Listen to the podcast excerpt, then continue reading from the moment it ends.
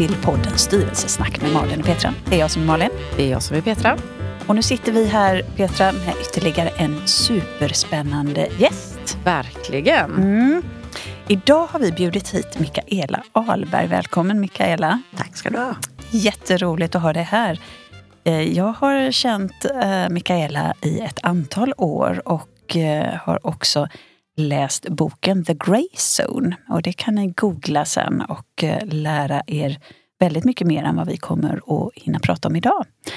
Det här är ju en podd för dig som är intresserad av styrelsearbete i någon form. Ehm, du kanske är ägare eller du kanske har ditt första styrelseuppdrag. Eller du kanske jobbar heltid som styrelseordförande eller styrelseledamot.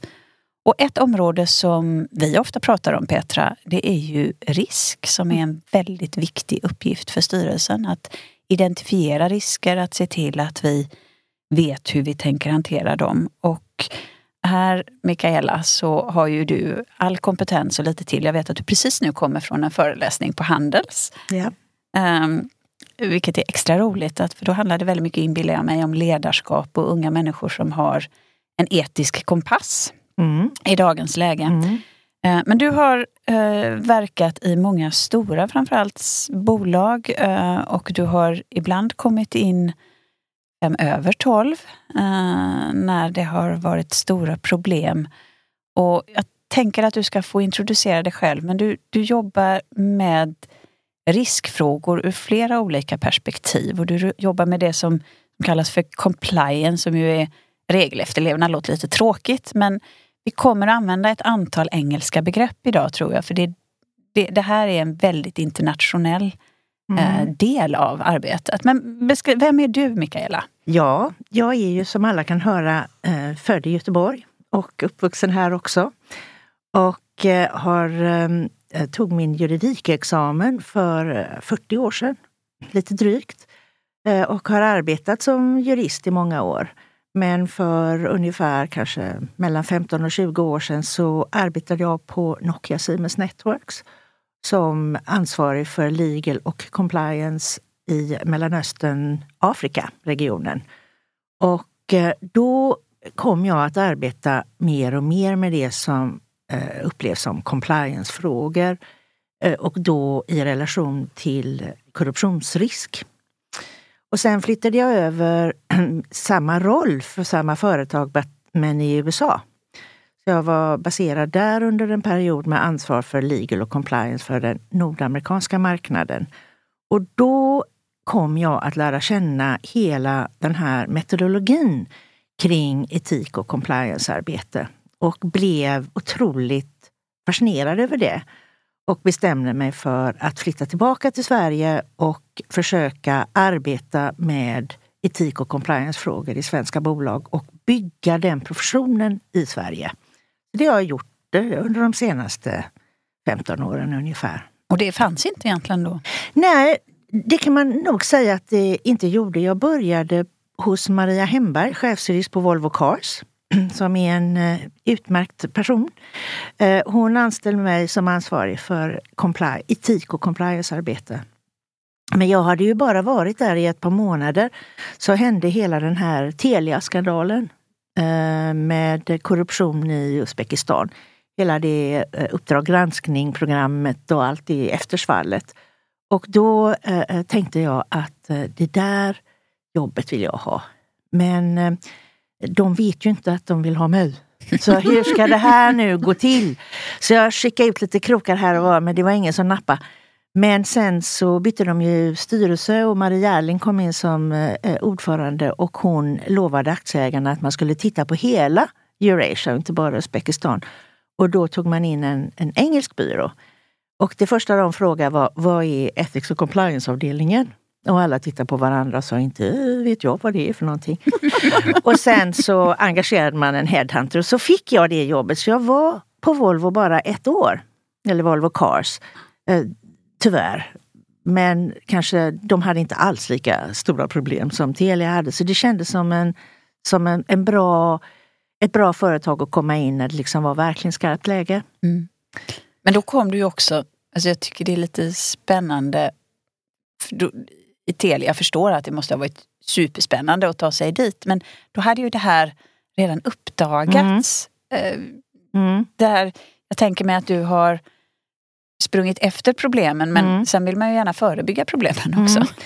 Men man kan säga så här att i de allra flesta fall så kommer man in och springer efter. Yeah. Därför att um, yrket är så pass nytt och metodologin är så pass ny. Så eh, väldigt få ledningar och styrelser tills alldeles nyligen egentligen insåg att det här är någonting man måste ha.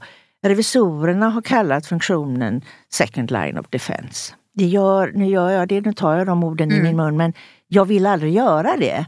Därför att jag tycker att det känns um, helt fel att tänka sig att man kan bygga in en organisation på kanske max 16 personer som någon slags defense mm. mot, mot, mot, mot, mot businessen självt. Så att um, jag, jag gillar inte den beskrivningen utan jag tycker att ethics och compliance är egentligen en typ av funktion som ska, som vi brukar säga på Getinge, enable and inspire mm. ett visst beteende. Eh, enable, möjliggöra, genom att man genom sitt etik och compliance-arbete tillför information för beslutsfattande som man kanske annars inte hade haft om man inte hade haft de här processerna och de här olika delarna utav ett effektivt compliance-arbete. Och inspire därför att man vill göra tydligt att det är inte min etik eller min integritet eller mitt arbete som kommer att vara avgörande för vilken kultur och vilket bolag vi bygger utan det är affärens. Men där vill man inspirera till att fatta bättre, mer grundade beslut. Jag bara tänker, du, du beskriver lite grann din bakgrund här då eh, och du hamnade i USA och då är jag lite nyfiken på, eh, och det här var någonting som var nytt i Sverige och så. Eh, har man kommit längre på detta då i, i, andra länder och bland annat i USA då som gjorde liksom att du lärde dig detta för att ta det till Sverige? Så att där har man hållit på mycket längre då? Jätte, jätte, jättemycket längre. Ja. Och på det, jag skulle egentligen vilja säga att man har hållit på jättemycket längre. Och man borde ju då följaktligen kunna säga att de har kommit mycket, mycket längre. Men, och det har de på ett sätt, men på ett sätt inte. Därför att jag tycker att de blir så regel compliance-styrda. Mm. Eh, och jag tror inte att man kommer hela vägen i mål genom, genom mer regler och mer compliance och mer regler och mer compliance. Utan jag tror man måste lägga till etik, ledarskap, kultur och det arbetet, då kommer man längre. Mm. Och i det arbetet har de inte kommit så jättelångt. Mm. Men jag kan säga dig att idag, om du skulle sitta framför en regulatorisk myndighet och redogöra för ditt effektiva ethics och compliance-arbete så blir de inte jätteimponerade om du enbart, nu gör jag citationstecken här, det kommer ingen att se, men det är det, citationstecken bara, arbeta med de formella delarna utav compliance, utan du måste också hitta sätt att arbeta med kulturen och mm. ledarskapet. Och när jag säger ledarskap så menar jag vars och ens ledarskap. Så du kan mycket väl sitta framför regulatorn och den första frågan du får är, och vad gör ni åt er kultur? Mm. Och det är ganska förvånande för mm. man sitter ju beredd till tänderna med alla sina formella aspekter. Men det utgår de ifrån att du gör. Mm. Det är hygienfaktor. Det liksom. är hygienfaktor. Du kan inte strunta i det. Du måste ha det och du måste ha med det och kunna redovisa. Men du måste också lägga till hur arbetar med kultur. Mm. Och du kan inte sitta lite sådär avslappnat och säga ja det är en kulturfråga. Ungefär som att det löser sig av sig självt. Mm. För det gör det inte. Nej. Så att det är därför jag är så noga med att prata om etik och compliance. Mm. Mm. Och många jurister är väldigt obekväma i det. Så de går tillbaka till compliance. Mm. För de har lärt sig, det ingår i deras utbildning, att ha svar. Mm. Att ha svar, någon kommer och frågar, hur ska jag tolka denna lagen? Hur ska jag skriva detta avtalet? Vad är det som gäller för korruption i USA? Eller allt detta. Och då ska man ha ett svar på frågan. Men arbetar du med etik så ska du inte komma med ett svar, utan vad du ska komma med är frågor. Mm. Frågeställningar, öppna upp och göra de här frågeställningarna tydligare. Det vill säga egentligen vara ganska jobbig. Eh, och, eh, men på det sättet, för det är inte min etik. Jag är inte moraliska polisen. Utan det är att locka fram, att göra, att inspire. Mm. Till att förstå att idag kommer vi kanske att prata mer om ansvar än om risk. Och då blir ledarskapet mer och mer tydligt. Mm. Kan man få, vi pratar ju om lite, när man, vi har pratat om det tidigare i vår podd, liksom det här att när man använder sig av ord så har vi lite olika definitioner, vi fyller det med lite olika betydelser. Om man då skulle liksom ändå, eh, om när du använder ordet etik till exempel, vad menar du med det? Så att mm. man kan mm. Men det menar jag, jag menar egentligen att jag arbetar med etik för att möjliggöra att du ska kunna, du som ska fatta beslutet, ska kunna fiska hos dig själv om dina värderingar och din integritet och kunna se din egen, jag skulle vilja säga, utsatthet att fatta ett dåligt beslut. Mm. Vi vill ju gärna tro att vi är logiska varelser. Vi lägger ner enormt mycket tid på våra examina och på våra faktiska kunskap i ämnet självt. I, det är sjukvård eller juridik eller vad det nu är vi är specialister inom. Men vi lägger inte ner så mycket tid i att förstå att oftast är det inte det som gör att bra människor fattar dåliga beslut, utan det är våra mänskliga tillkortakommanden. Mm. Och om vi lägger lite mer tid att förstå hur vi alla är, eh, är utsatta för grupptryck eller rädsla att misslyckas eller olika typer utav framing där vi ramar in vårt problem på ett sätt så vi ramar ut andra aspekter. Ett bra exempel är till exempel en, ett företag eh, kan rama in sitt problem som de har som ett tekniskt problem. Mm. Men om du pratar med de regulatoriska myndigheterna eller om du pratar med konsumenterna eller med någon annan intressent så kanske de ramar in det som eh, eh vad man kallar public health och safety, alltså våra, våra allas, eh, vad heter det på svenska? Jag kommer Hälsa? Om. Eller? Hälsa! Ja, ja. Precis. Så att det beror så mycket på sådana mänskliga faktorer påverkar oss mycket mer än vad vi vill tro. Mm. Så att i den delen som jag pratar om att inspirera till att fatta bra beslut, det handlar mycket om att tydliggöra för beslutsfattaren vad det är som egentligen påverkar oss. Jag brukar säga det man tittar på alla de här skandalerna. Vi kan väl ta en som alla känner till för att den är aktuell just nu, Swedbank. Mm. Då skulle det vara otroligt bekvämt om man säger så här, ja, Birgitta Bonnesson hon är ju i alla fall en idiot, så hon har ju fattat helt fel beslut. Och det är ju jätteskönt att hon äntligen blir åtalad och så blir hon fälld och så är vi alla nöjda och så går mm. vi vidare och så är Swedbank en jättebra bank igen. Och eh, jag är ju personligen då inte jätteintresserad av Birgitta Bonnesson. Jag är mycket, mycket mer intresserad av alla andra på banken då. Mm. Vad gjorde de?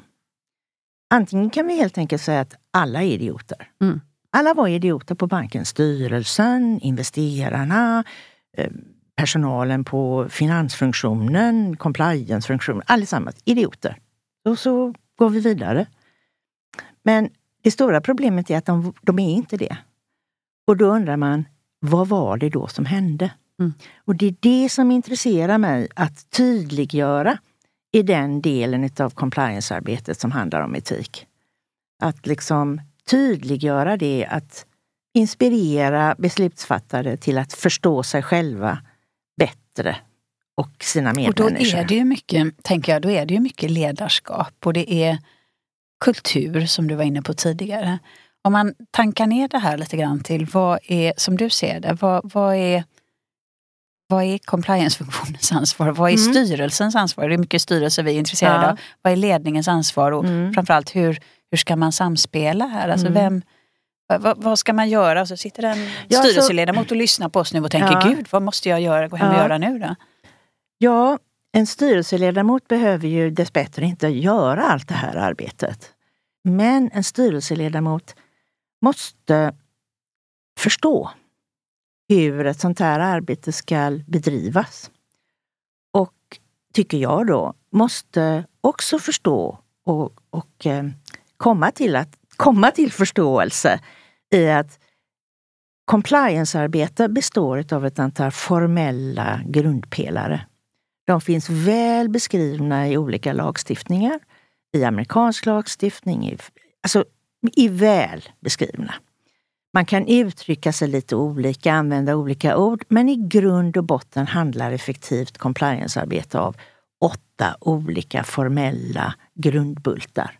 I vilken bland annat ingår att man ska ha en speak-up line, att man ska kunna utreda de frågor som kommer in, att man har policies, att man har third party due diligence, så man vet vilka ens affärspartners är, att man gör risk assessment, alla de här olika formella delarna. I mitten av det arbetet finns det som du är ute och far efter nu, ledarskap. Tidigare brukar man kalla tone from the top. Men det pratar man egentligen inte om längre därför att det vaggar in styrelsen i någon slags eh, bekvämlighet att det räcker att säga We have zero tolerance against corruption, som man sa på Telia och sen så gjorde man inget mer än det. Det är ju en ton. Utan man pratar hellre om ledarskap och ledarskap som ger uttryck i kultur. För kultur är ju egentligen ingenting annat än en, ett resultat av det vi gör och det vi beslutar. Då bygger du en kultur. Bra eller dålig eller vad det nu är. Våra sådana här värdeord som vi sätter upp på väggarna och skickar ut till höger och vänster, de, de betyder ingenting. Utan det är vad vi gör, vad vi beslutar som, som bygger en kultur. Och hur kan man känna att ja, men, nu har vi rätt kultur? Nej, det kan man inte, man måste ja. fråga. fråga. Ja. Och det är ju en, det är ju en sån grundläggande sak som jag tycker att en styrelse skulle ha ett god nytta av. Det är ju, har vi gjort en ordentlig assessment, eh, vad heter det? Bedömning, Bedömning ja, utvärdering mm. av vår kultur i det här bolaget? Eller lyssnar vi bara på VD som säger att vi har en jättebra kultur? Mm. Mm. Jag menar när hela den här Telia-skandalen seglade upp genom Uppdrag granskningsprogram då stod ju VD och kommunikationsansvarig och sa vi har en jättebra kultur på Telia. Det är ingenting fel på den kulturen. Men de hade ju ingen aning vad de pratade om. De hade ju inte egentligen kollat. Mm. Utan tvärtom hade man faktiskt byggt upp olika typer utav skydd för att slippa veta för mycket. Mm. För vet man inte så behöver man inte ta ansvar. Då, nej. Utan så man liksom, det blev lite hokus pokus kring en del. Ja, den här businessen i våran affär i Eurasia, vi lägger oss inte i den. Vi låter dem sköta sig där. Den går så bra så att vi vill inte störa dem.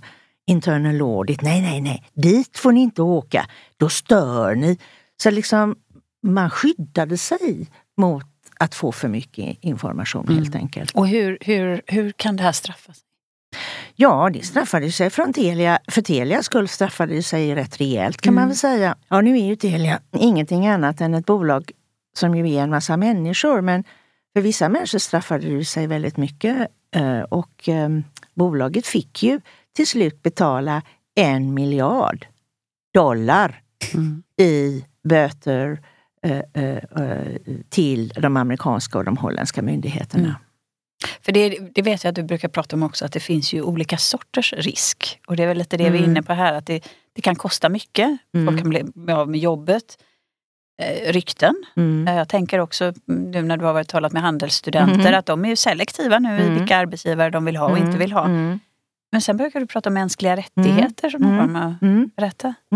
Tack för, den, för det uppspelet.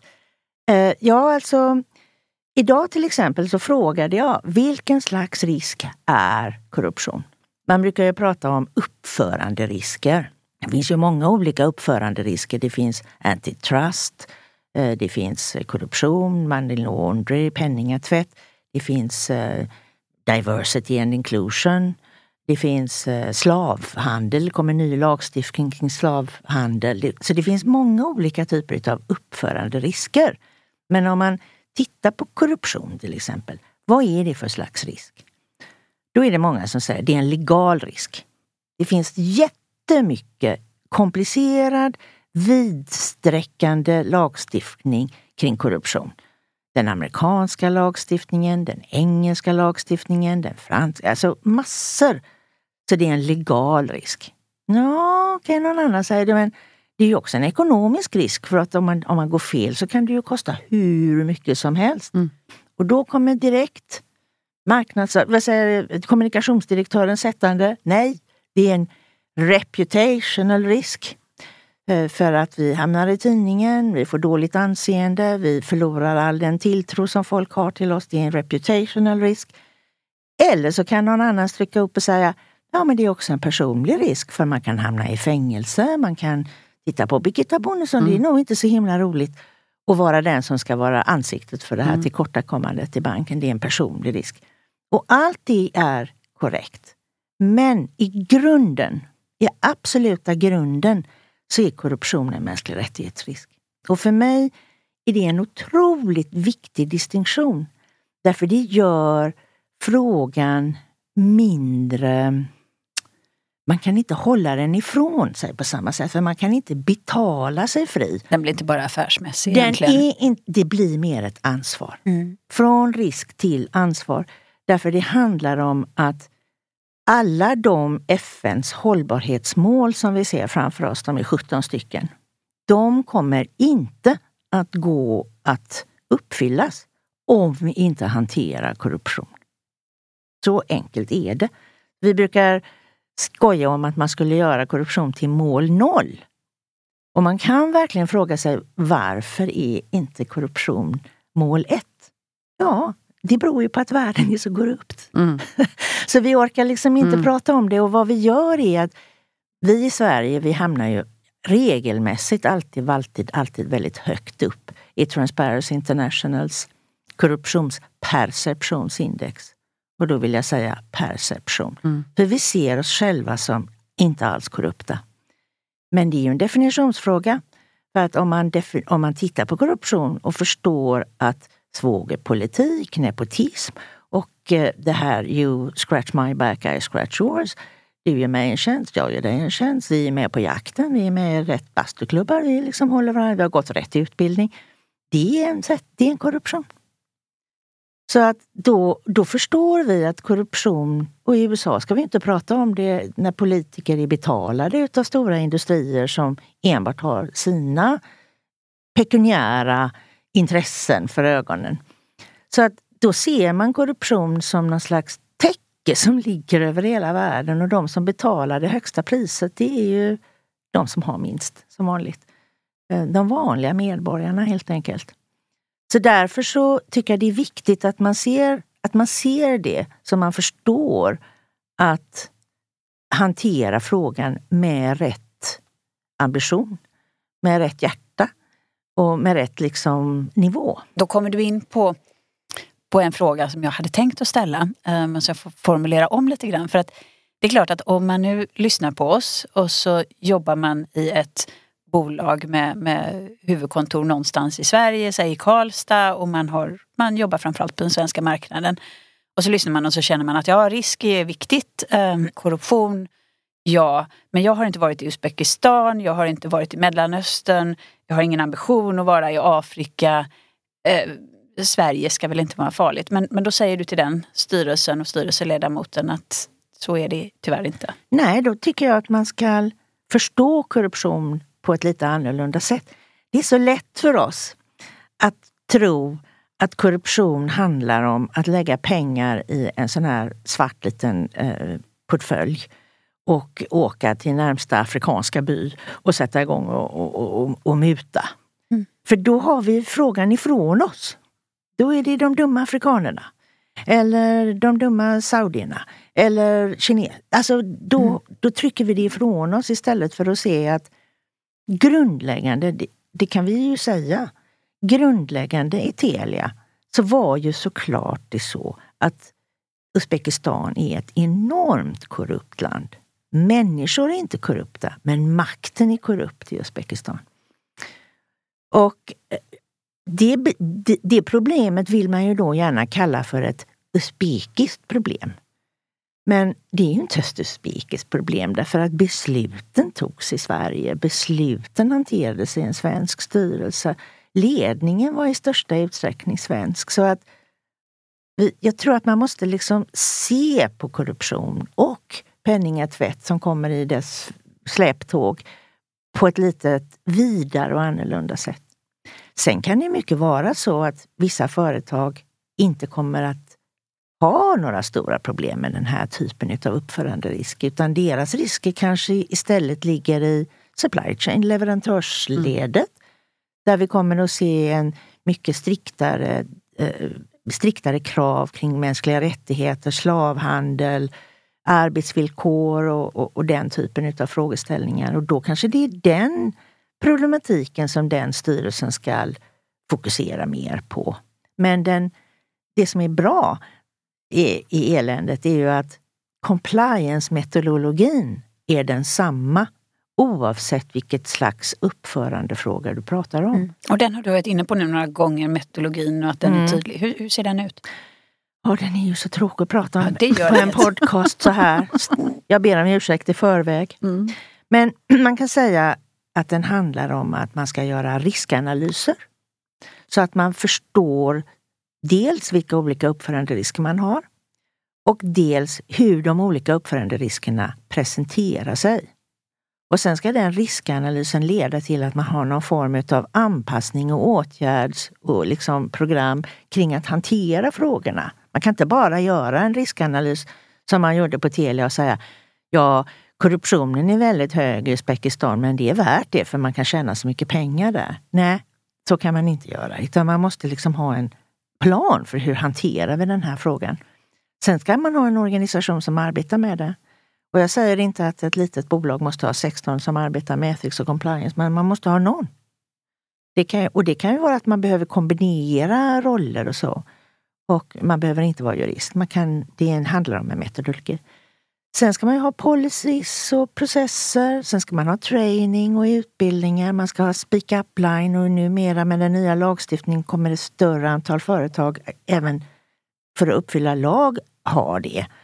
Man ska ha utredningar, man ska visa att man har mätt, att man har KPI som man mäter upp. Man ska arbeta med sina tredje parter, både på säljsidan och på leverantörssidan. Man ska hela tiden ständigt förbättra sitt arbete och, och, och övervaka och mäta det man gör. Och så går det liksom runt, runt, runt, runt, runt. Och så, och så gör man det. Det är liksom den grundläggande stommen i compliance-arbete. Mm. Och om man nu inte har, i dagsläget har den personen eh, på sin radarskärm, vad, vad, gör man då? Kan man... Ja, alltså jag pratade med ett litet bolag häromdagen som eh, inte jätte, jättelitet men inte heller jätte, jättestort.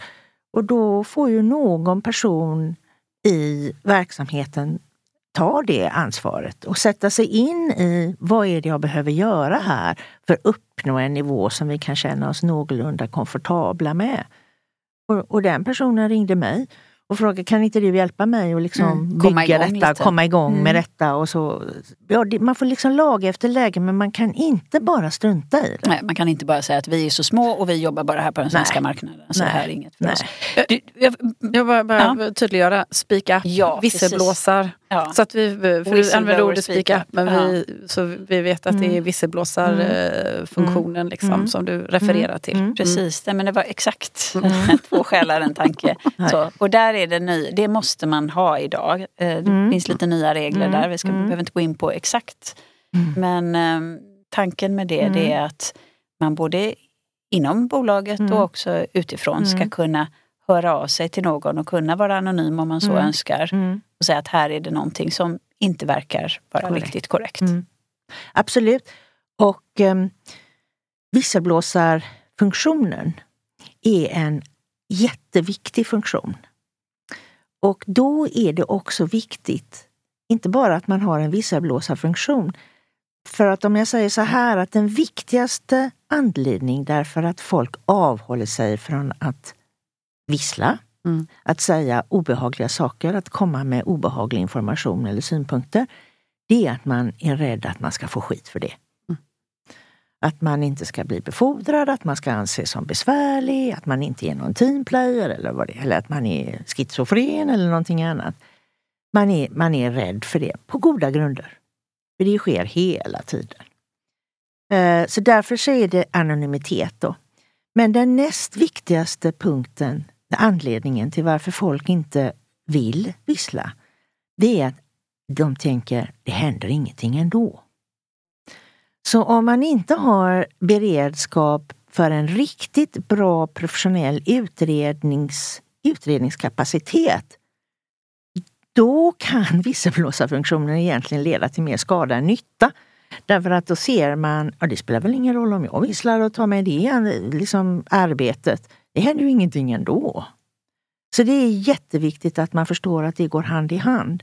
Och då är det också många som säger, ska vi behöva hålla oss med en utredare här? Vi har ju knappt råd att ha en marknadsförare. Mm. Nej, men du måste se till att någon gör det arbetet för dig. Mm. Mm. Och det där tycker jag, där, där tänkte jag höra lite om du har något gott råd. Jag satt i en sån situation häromdagen eh, där vi i det fallet har en, en visselblåsarfunktion eh, som fungerar väl. Eh, och jag lyssnade lite grann på vad vi hade fått in för, för olika saker. Um, och de var väl utredda, kändes som att det var kompetent, det var, man höll anonymiteten och det, det jag fick till mig det var att eh, dels så är det synd, tycker de som utreder, eh, att, att så pass många ändå väljer att vara anonyma för man skulle kunna titta in mer om man hade kunnat komma tillbaka med ett antal frågor och liknande. Eh, och sen så var det ett antal fall som hade lett till att man hade gjort en erinran mot en person, några som man hade kunnat avskriva och någon som faktiskt hade fått lämna bolaget. Eh, men så pratade vi just om trovärdigheten för visselblåsarfunktionen. För det är inte så att man sen kan säga ah, Pelle får lämna därför att någon har visselblåst och nu får han gå. Så att det är ju en annan svårighet kan jag känna mm. just med visselblåsare. Att man, man kan inte... Det händer en hel del givet mm. vad, som, vad mm. man blåser för. Mm. Men man ser det kanske inte alltid i Nej. bolaget. Och eh, där har vi ju på de ställen där jag har arbetat alltid arbetat med en redovisningsfunktion i visselblåsarlinjen där vi kommer tillbaka och redovisar för visselblåsaren vad som har skett i så stor utsträckning som möjligt.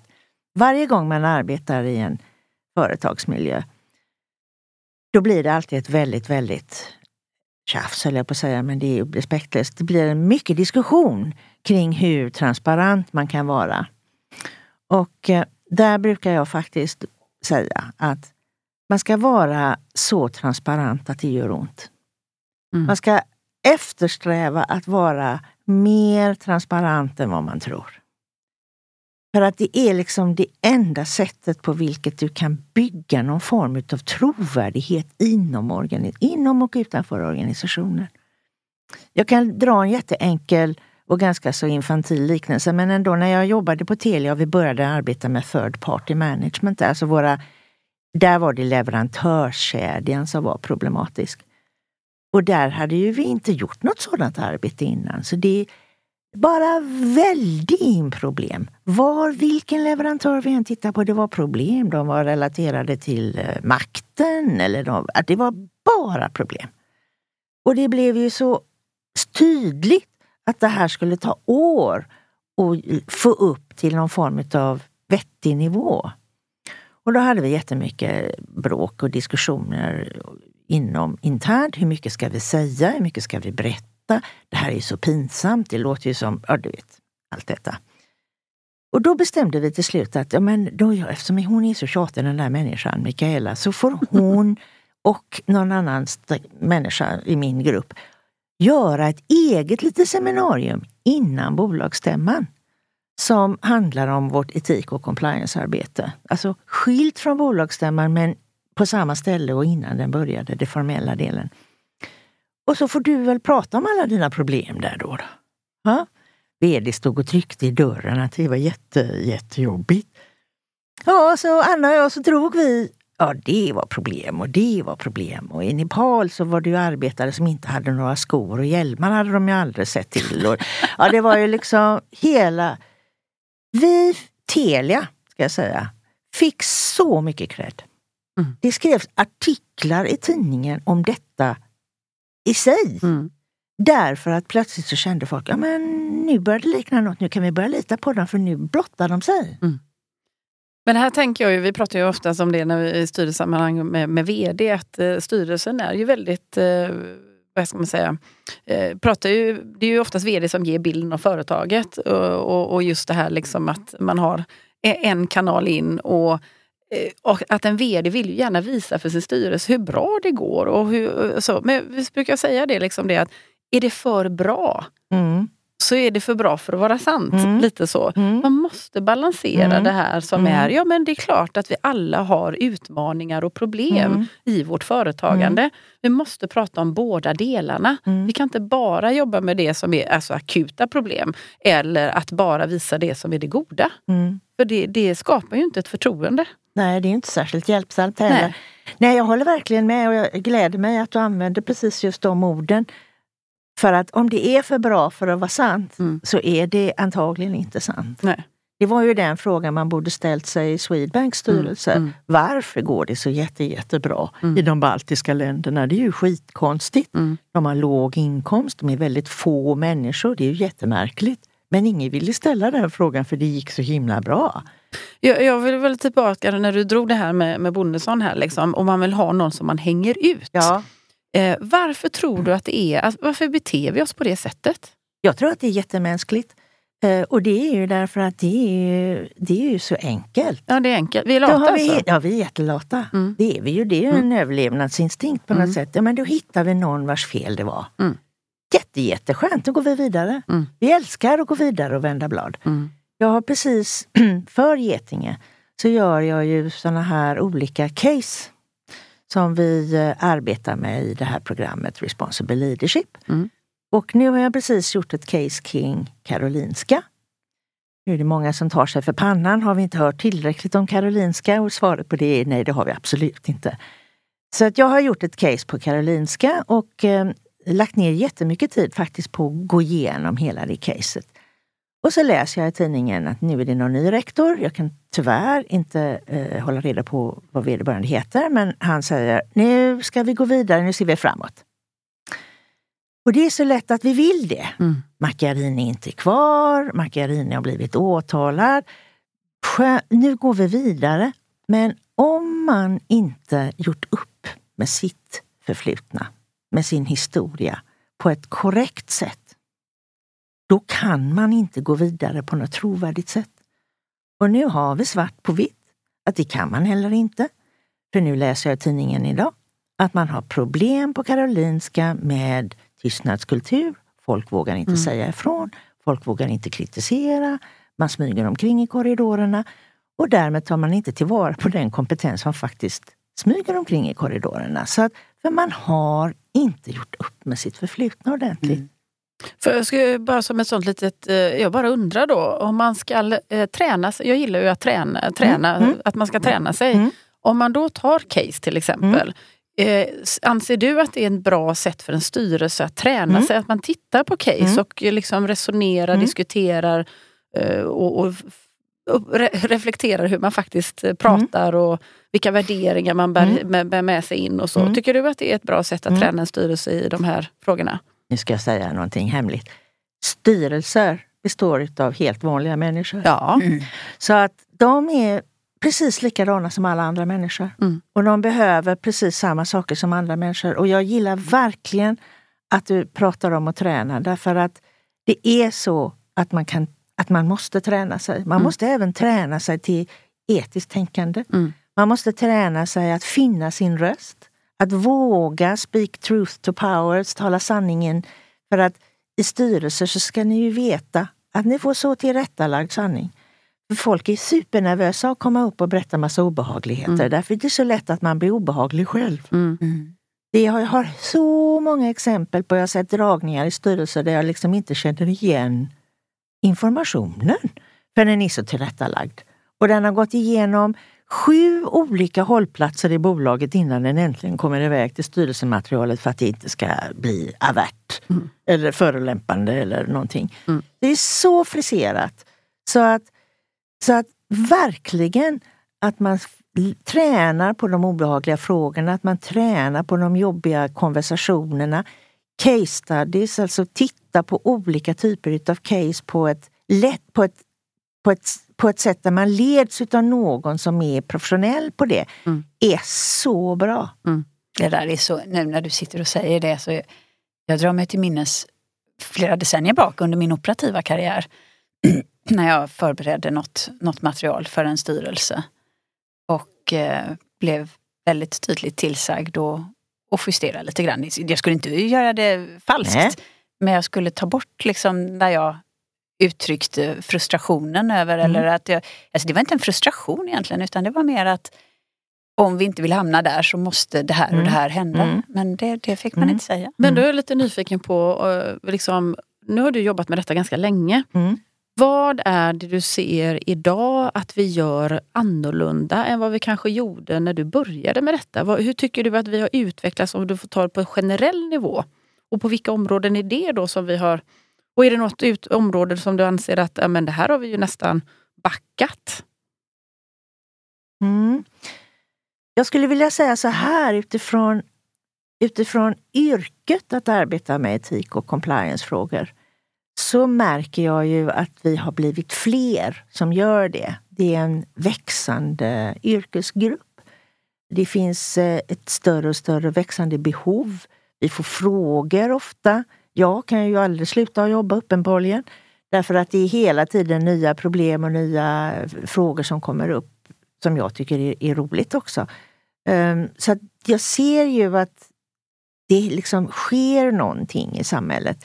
Det som jag också ser sker i samhället, det är att det börjar liksom också komma det här att man skiftar från att bara se frågorna som risk till ansvar. Mm. Och då börjar man ju också angränsa och skära in i det som vi brukar kalla för hållbarhetsfrågor. Där, där man liksom tittar på hur kan vi arbeta för att ta ett större ansvar mm. för vår verksamhet och för resultatet utav vår verksamhet? Kan vi kanske titta på våra stakeholders, det vill säga de som har ett intresse av vår affär, som bredare än enbart, nu gör jag citationstecken igen, enbart aktieägare? Är liksom mänskliga rättigheter, är miljön, anställda, patienter, andra också intressenter som vi måste ta i hänsyn till när vi fattar våra beslut. Det ser jag att det, det kommer därför att företag består utav en stor mängd ytterst kompetenta människor. Handlingskraftiga, kompetenta, drivna, entreprenöriella, alla möjliga goda saker. Men kraften där som finns måste också användas för att ta ett större ansvar för de existentiella problem som världen står inför. Vi kan inte sitta bakåtlutade och klia oss i naveln och vänta på att politiker ska lösa alla problem som vi mm. har. För det ser vi ju, att det är ingen framkomlig väg riktigt. Mm. Och då kommer de här frågorna mer och mer också i styrelserummen och ner i verksamheten. Mm. Och jag hör själv nu när jag pratar om detta att det kan finnas människor där ute som sitter i styrelser eller rådgivande funktioner till organisationer som inte är företag. Det kan vara sjukhus eller universitet eller vad det är. Och det gäller precis samma sak där. Mm exakt samma sak. Det är bara det att det är väldigt sällan man i Sverige hittar någon som arbetar med compliance och etik i de här organisationerna. Men det gör man utomlands. Mm. Och det kommer komma hit också. Mm. Mm. Och jag kan känna, jag måste bara replikera för jag, jag, det är så, alltid så roligt att lyssna på dig Mikaela. Men tänker jag också, vad, hur beter jag mig i styrelserummet? Um, och just det här att att välkomna det som kommer upp. Det är klart att jag, jag kan nog ha sagt att ja, men det här måste väl ändå vara det sista vi hittar.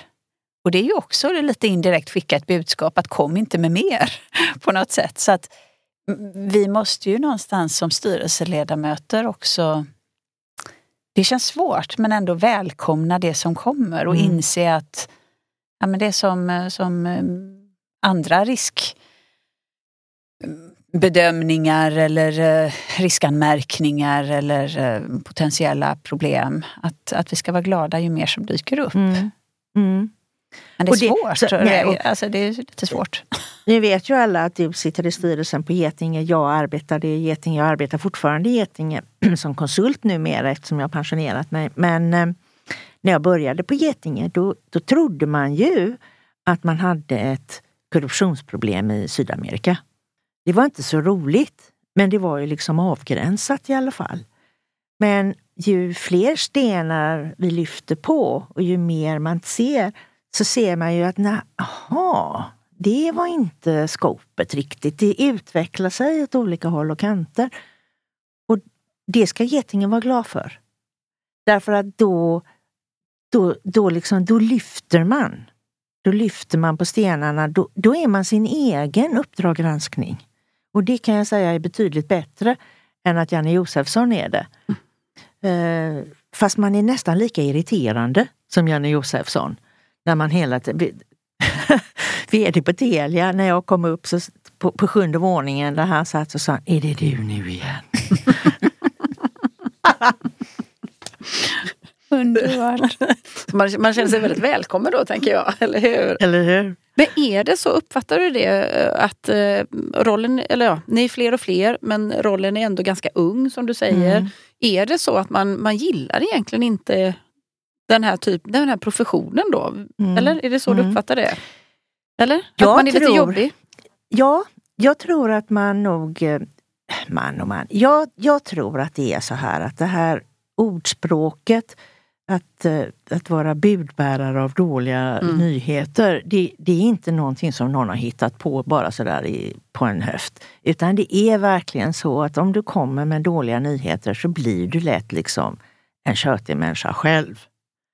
Så att, ständ, liksom att, och att ständigt vara den som ska lyfta på stenar, den som ska ta fram och inte bara säga nu har vi en jättebra affärsmöjlighet, vi kan bli jätterika och det kommer att bli så himla bra och alla liksom gungar i takt som säger Jo, jo, jo, men nu har vi den frågeställningen och den frågeställningen. Ska vi etablera oss i Vietnam så måste vi förstå detta och detta och detta och detta. Och det, och då, det, det känns ju jättejobbigt att lyssna på.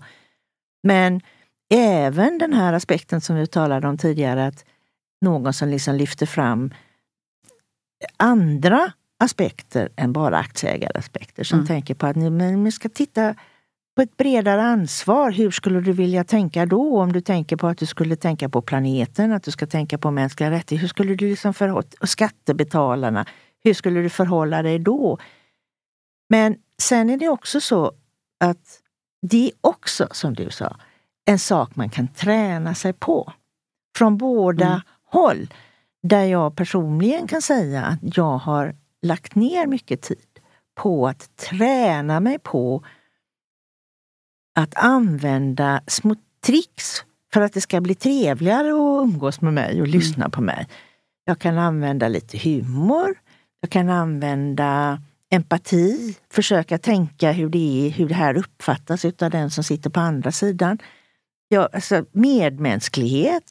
Jag kan ta ett djupt andetag så jag inte går upp i falsett. Det, alltså det finns många saker man kan träna sig på så att de här diskussionerna blir mindre laddade mm. och mer produktiva. Mm. Jag tänker så här, ehm, en styrelse idag, och, nu, nu har vi, vi har ju en blandning liksom utav företag i Sverige, men men eh, trots allt så vittnar ju de flesta styrelser om att ja, men regelbördan är, ökar på. Mm. Och eh, man vill heller kanske inte då, i alla fall i, i kanske onoterade bolag, ha ja, men styrelser som består av fem, sex personer, inte jättemånga. Och vi ska ha en bra dynamik, vi ska komplettera varandra, vi ska ge våra olika perspektiv och, och belysa allting med så, så, så bra som möjligt liksom för bolaget och så. Och så när man pratar om olika teman, det är strategi, det är compliance, det är hållbarhet, det är, ja, det är allt möjligt. Liksom så.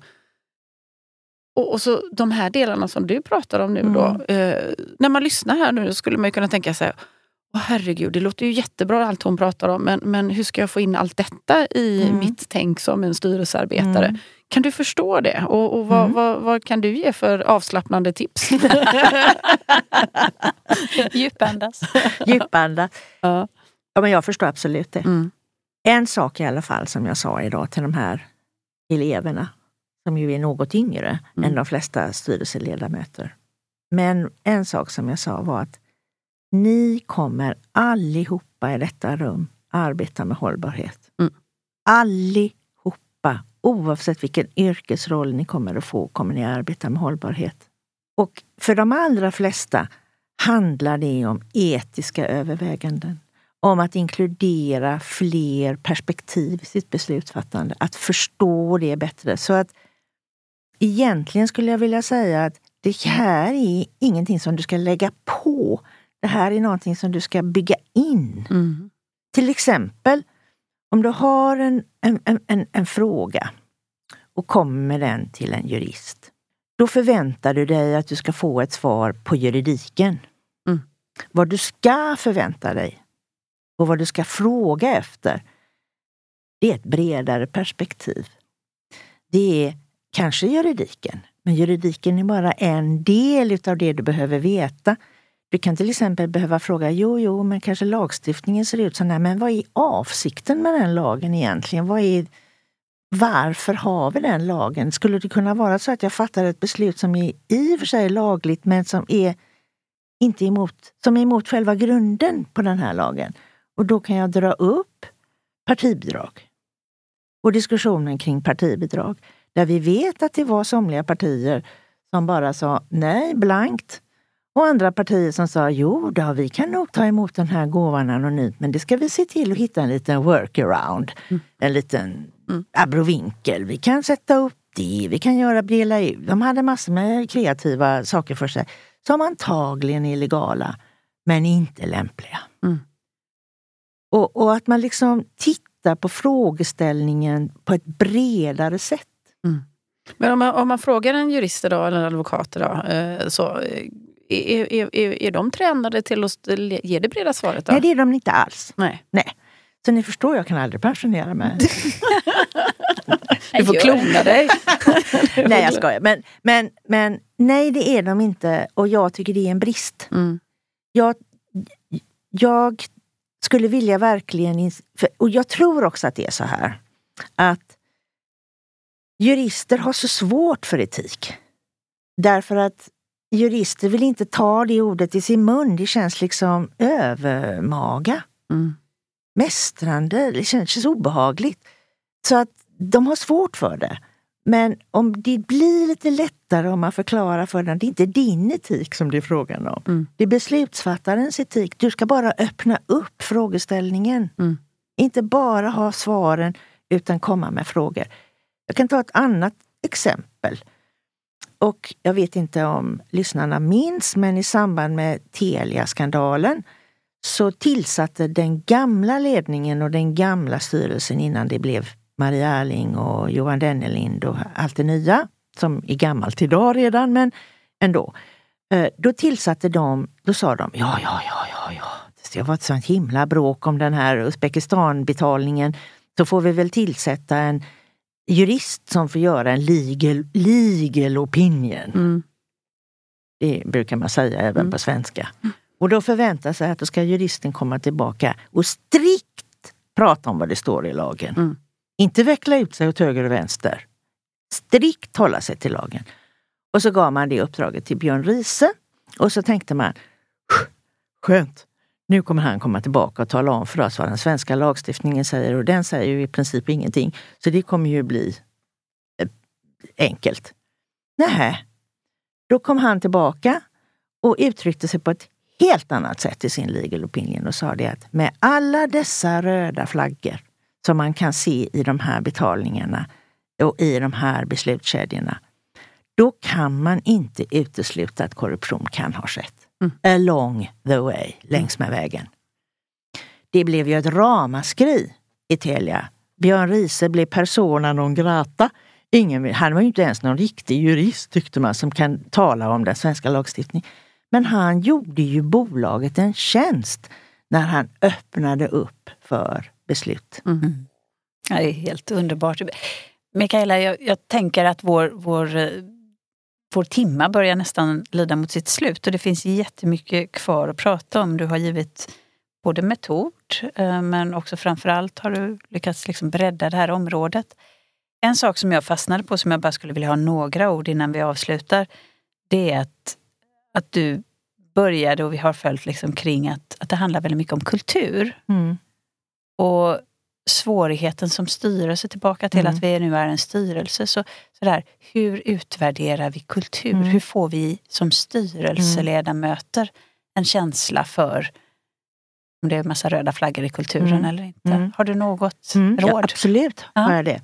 Det finns människor och det finns metodologi kring hur man gör en utvärdering av kultur.